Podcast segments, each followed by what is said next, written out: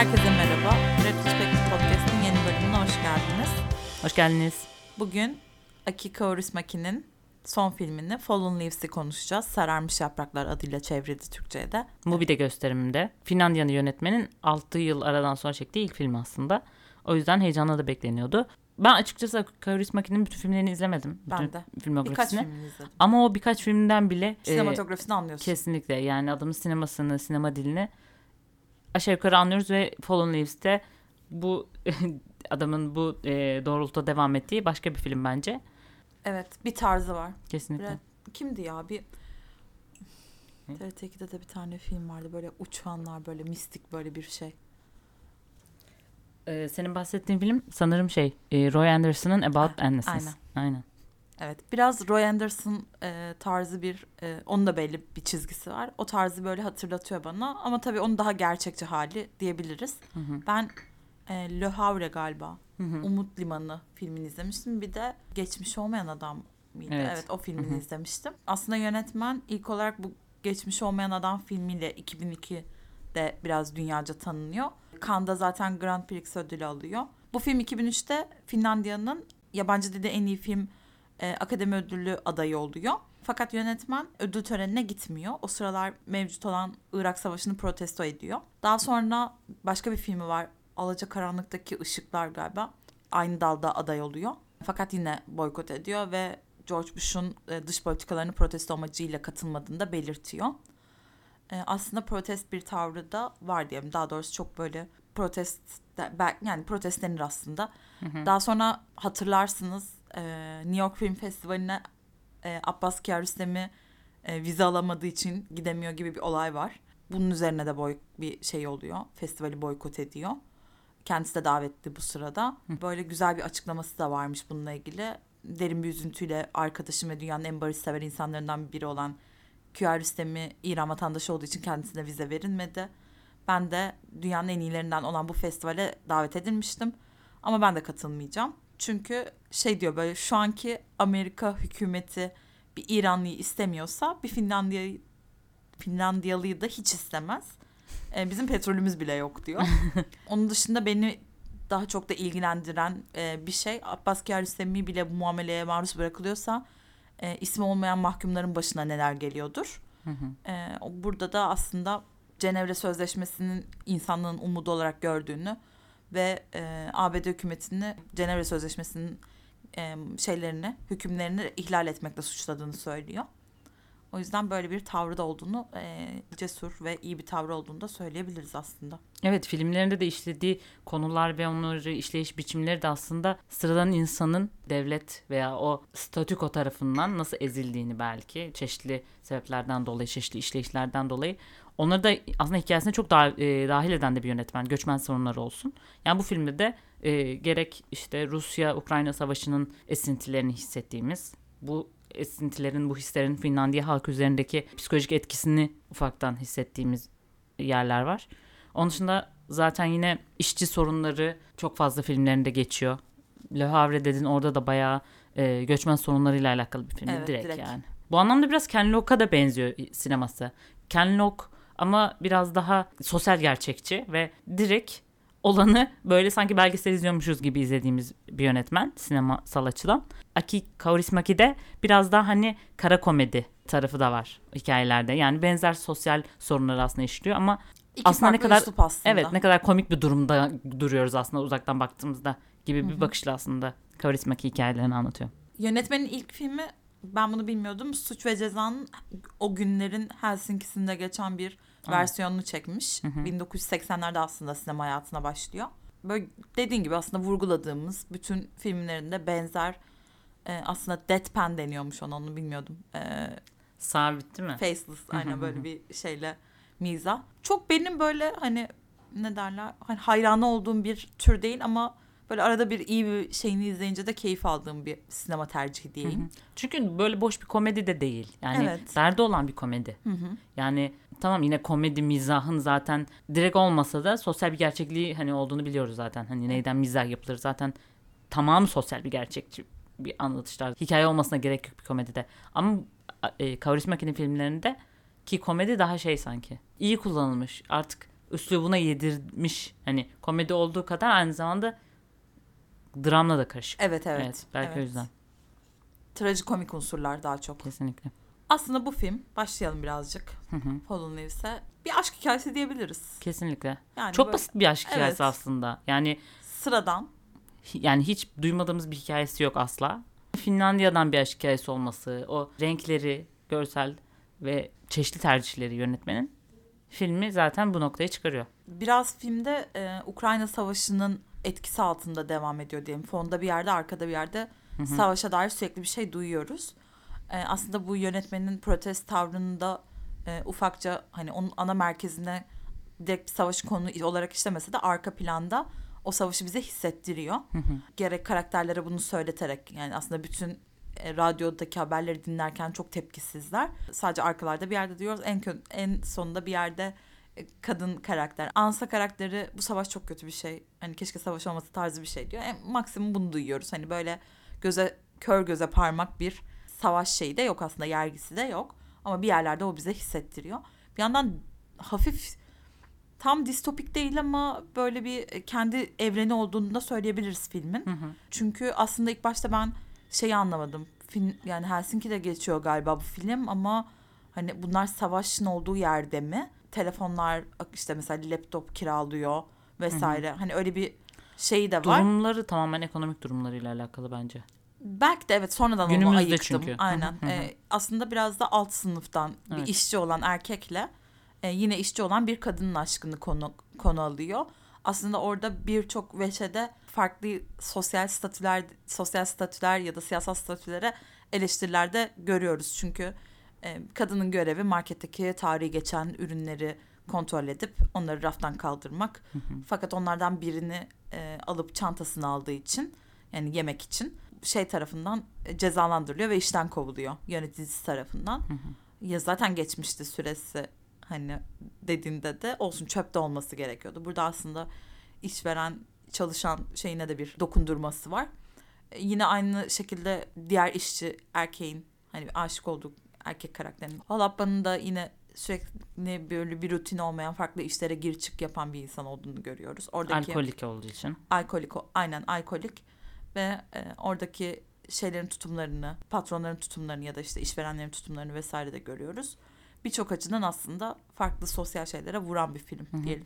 Aslında tam olarak böyle görünürde bir sınıf çatışması yok. Başroldeki iki karakter de aslında işçi sınıfının kendi e, hallerinde yaşayan aslında çok da varlık içinde yaşamayan birisinin evi yok, birisinin ikinci bir çift tabak çatalı yok mesela. Yani öyle bir durumda yaşayan insanlar ama çok da bir sınıf çatışması görmüyor olmamız da ilginç. Yani öyle bir e, şeyi beslemiyor yani. Öyle bir karşılaştırmaya çok zemin hazırlamıyor. Tabii bunu bağırarak yapan değil sadece bu insanları konu aldığı için aslında bir yerde bu şeyi görüyoruz. Evet. Ya bu arkasında okuduğunda çıkan şeyler E, ama hani öyle bir acitasyona girmiyor. ajitasyon yok vesaire böyle anlatınca an- öyle anlaşılmış olabilir ama Evet, bir evet. ajitasyonu yok. Sadece bu sınıfın e, filmini yapıyor diyelim. Anlatımını sunuyor. Bu anlamda da çok şey minimalist de. Oyunculuklar da mesela çok fazla bir diyalog yok. Karmaşık bir edebi bir muhabbet diyalog yok. Ama ifadeler ve oyunculuklar o kadar yerinde ki yani o da bence çok kıymetli. Çok etkileyici yani. İnanılmaz büyük oynamıyorlar veya o bakışlardaki ufak hareketlerden aslında biz o şeyi hissediyoruz. O hissi hissediyoruz. Çok güzel bir şeydi Evet. onları izlemek. O iki karakter arasındaki çatışmalar, o ikisinin aslında ne istediklerinin aslında belli de olması. Hikayeye belki biraz girmedik ama e, bu bahsettiğimiz iki karakter süpermarkette çalışan bir kadın. Süpermarkette çalıştığı bir arkadaşıyla bir karaoke bara gidiyor ve orada Holappa ile karşılaşıyor. Yani sadece bakışarak aslında birbirlerinden hoşlanmaya başlıyorlar ve bunların arasında bir şey olacağını seziyoruz. Sonra böyle bir araya gelmeleri biraz zaman alıyor hiç böyle diyalog kurmadıkları için. Daha sonra zaten kız marketten ayrılıyor. Şehrin Ee, farklı noktalarında evet. birkaç defa karşılaşıyorlar. Kız daha sonra bir barda çalışıyor mutfak görevlisi olarak sanırım. Oradaki patronu polis tarafından gözaltına alındığında tekrar Holappa ile karşılaşıyorlar. Böyle çok sanki küçük bir mahallede geçiyormuş gibi de e, hikaye. Evet. Sinemaya gidiyorlar. Kız ona telefon numarasını veriyor ama oğlan kaybediyor hemen o arada. Sonra çocuk bir süre bulamıyor kızın ismini de bilmediği için. Ee, Sonra nerede buluyordu? Sonra e, Holappa telefon numarasını kaybettiği için kızı arayamıyor ve kız bayağı hani aramayacak herhalde diye bir umutsuzluğa düşüyor. Sonra tekrar bu sırada Holappa girdiği işlerden böyle sırayla kovuluyor gibi alkol kullandığı için kaza geçiriyor vesaire. E, birlikte gittiği sinemanın önünde aslında Holappa kızı bekliyor belki denk geliriz diye. Orada e, tekrar Ansa'yla bir araya geliyorlar. E, sonra Ansa bunu evine davet ediyor bir akşam yemeği için. Oradaki şey çok tatlı değil miydi? Evde ikinci bir tabak çatalı yokmuş ve gidiyor Gidince- alıyor. Aynen. Gidince de atıyor. Evet gidince de atıyor. Sonra e, eve geliyor birlikte yemek yiyorlar böyle küçük boy bir şey e, şarap alıyor galiba. Evet. Köpüklü şarap. Aynen büyük boyda almıyor. Ama adam böyle ondan tatmin olmuyor ve ceketin cebinden e, bir işte küçük mataralarda alkol e, kullanıyorlar ya ondan içiyor. Kız da bunu görünce rahatsız oluyor ve benim babam da alkolden dolayı ölmüştü ve ben bunu kabul edemem diyor. Adam da geri vites yapmıyor ve tamam o zaman deyip ceketini alıp çıkıyor. Devamında çalan şarkıda aslında bir bar gibi bir yerde yine e, Holappa böyle alkolün dibine vurmuşken çalan bir şarkı ona e, Ansa'yı hatırlatıyor ve Ansa, Ansa'yı arıyor ve pişman hani şey pişman olduğu değil de hani tekrar e, görüşmek istediğini vesaire söylüyor. Hansa da o zaman direkt hemen eve gel diyor. Fakat karakterimiz böyle hevesle kapıdan çıkıyor ve tren çarpıyor. Daha sonra Ha- Hans Ansa e, umutsuzluğa kapılıyor. Biraz işte üzülüyor gelmediğini hani bekliyor aslında ama gelmiyor. E, ilk başta karaoke bara birlikte gittikleri arkadaşıyla yolda karşılaşınca e, adama e, şeyi soruyor. Arkada Holappa'yı soruyor. Henüz adını bile bilmiyor aslında. O da e, onun bir tren kazası geçirdiğini ve yoğun bakımda olduğunu söylüyor. Daha sonra da e, aslında karaoke barda kızın arkadaşı olan kadının numarasını falan istiyor. O da numarasını verip hastaneye ziyarete gidiyor ve düzenli olarak adamı yanında ona bir şeyler okuyor. Bulmaca çözüyor falan adam henüz komadayken.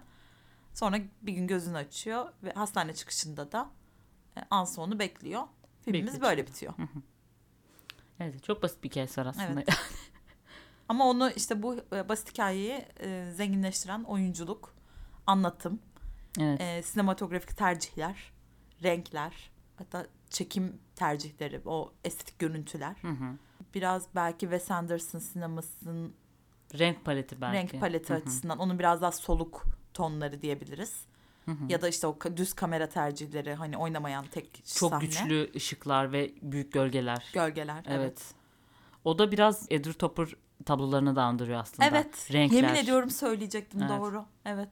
Ee, ve aslında verdiği hisler karakterlerin e, böyle tek boyutlu olmamaları da çok. Hepsinin aslında böyle bir yalnızlık ve böyle bir bağ kurma aslında ihtiyacıyla içine kapandığında yani öyle bir ihtiyaçları var ama çok da ifade edemedikleri bir modern bir dünyada yaşadıklarının sıkıntısını da görüyoruz Evet. filmlerde. Filmdeki bütün karakterlerde bu geçerli. Evet. Yani biz Ansa ve şey de izliyoruz ama işte Holappa'nın arkadaşı da aslında aynı ihtiyaçla şarkı söyleyip karaoke barda biriyle tanışmaya çalışıyor vesaire. Ama sonuçta aşk kazanıyor, birliktelik kazanıyor. Çünkü aslında ikisi de birbirlerine muhtaç diyebiliriz. Bilmiyorum. Evet. Ya bu açıdan da umut verici bir şekilde de bitiyor. Yani onların kavuşmasıyla. Biraz umutsuz o iki karakterin yaşadıkları işte işten dolayı, belki duygusal o ihtiyaçlarından dolayı yaşadıkları mutsuzluklar en sonunda hani o umutla birlikte olmayla güzel bir şekilde bağlanıyor ve Holappa'nın da mesela belki bir şekilde alkolü bırakmaya zaten şey olarak kendisinin farkında olmadığı bir ihtiyaç olarak vardı ve bu da işte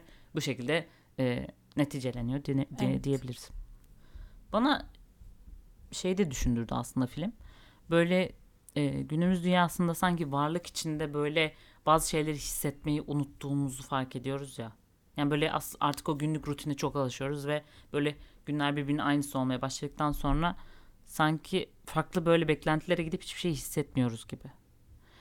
As- buradaki karakterler de biraz onun tam tersi gibi. Belki o hazzın, o hissin peşinden koşan bir Holappa var. O da yani alkolden dolayı. Ama Ansa karakteri daha e, öyle bir hani şey kendi rutininde devam eden bir kadın aslında. Hani başında bir evi var. E, kendi kendine bir ufak bir kanaatkar bir yaşamı var. Belki yani zor bir durumda ama yine öyle e, gözünü hırs bürümüş böyle e, başka şeyler peşinden koşan biri değil. Sonuçta hissetmeyi seçtikleri aşka kavuşuyor olmaları güzel. O modern dünyada sanki çok böyle safta kalmış bir hikayeyi. Yani böyle Ansa'nın tarafından daha yoğun. Biraz Holappa'da sanki ona daha böyle bağlanıyor gibi geldi. Aslında bu dediğin modern hayatın getirisi işte o soluksuz çalışma, geçim derdi vesaire onlar arasında yüzünü güldürecek bir e, ya da onu biraz daha etkisini hafifletecek bir şey olarak yine aşkı sunuyor diyebiliriz aslında yönetmen için. Dediğin doğru. Ve bu yokluk içinde sinemaya gitmeleri de çok tatlı bence. Saf ve böyle çok bir şey hissetmeye ihtiyaçları olduğunu anlıyoruz gibi geldi. Bu filmin Cannes Film Festivali'nde jüri özel ödülü aldığını ve aslında en iyi film alanında da yarıştığını söyleyebiliriz. Yani aslında şeyin Cannes, geçtiğimiz yıl Cannes Film Festivali'nin en konuşulan filmlerinden biriydi. Yani biz de sabırsızlıkla bekliyorduk. Darısı nihayet izledik Mubi sayesinde. Darısı Poor Things'e falan diyelim. Evet Ee, inşallah. izleyemedik onları bir türlü. Şubat'ın başında vizyona giriyordu yanlış hatırlamıyorsam. Evet. Şubat'ın ilk haftası. 7 Evet. ya da 8 Şubat'ta galiba öyle bir şeydi. Böylelikle bu filmde konuşmuş olduk. Merak ettiğimiz bir e, filmi ve az buçuk tanıdığımız yönetmeni biraz daha tanımı tanımış olmuş olduk diyelim. Hı hı. Konuşamadım. Evet yani o uzun da eski de bir yönetmen aslında. Filmleri Evet. eski de. O zamandan bu yana filmlerini seviyorsanız da bu yönetmen şu an dünyaya nasıl bakıyordunun da aslında cevabını bulabileceğimiz de bir film. Sonuçta hemen Finlandiya'nın komşusudur Rusya ve Rusya'nın da sanırım Finlandiya böyle bir psikolojik baskısı var bu olaylardan dolayı. Yani Finlandiyalı bir yönetmen bu duruma nasıl bakıyordu? Belki bunun aşk hikayesi perspektifinde kenarında dallanan bir hikaye olarak izlenebilir. Evet. Güzeldi. Çağdaş bir tanıklık. Evet çok güzel yorumladın. O zaman biz dinlediğiniz için teşekkür ederiz. Bir sonraki bölümde görüşmek üzere. Hoşçakalın. Hoşçakalın.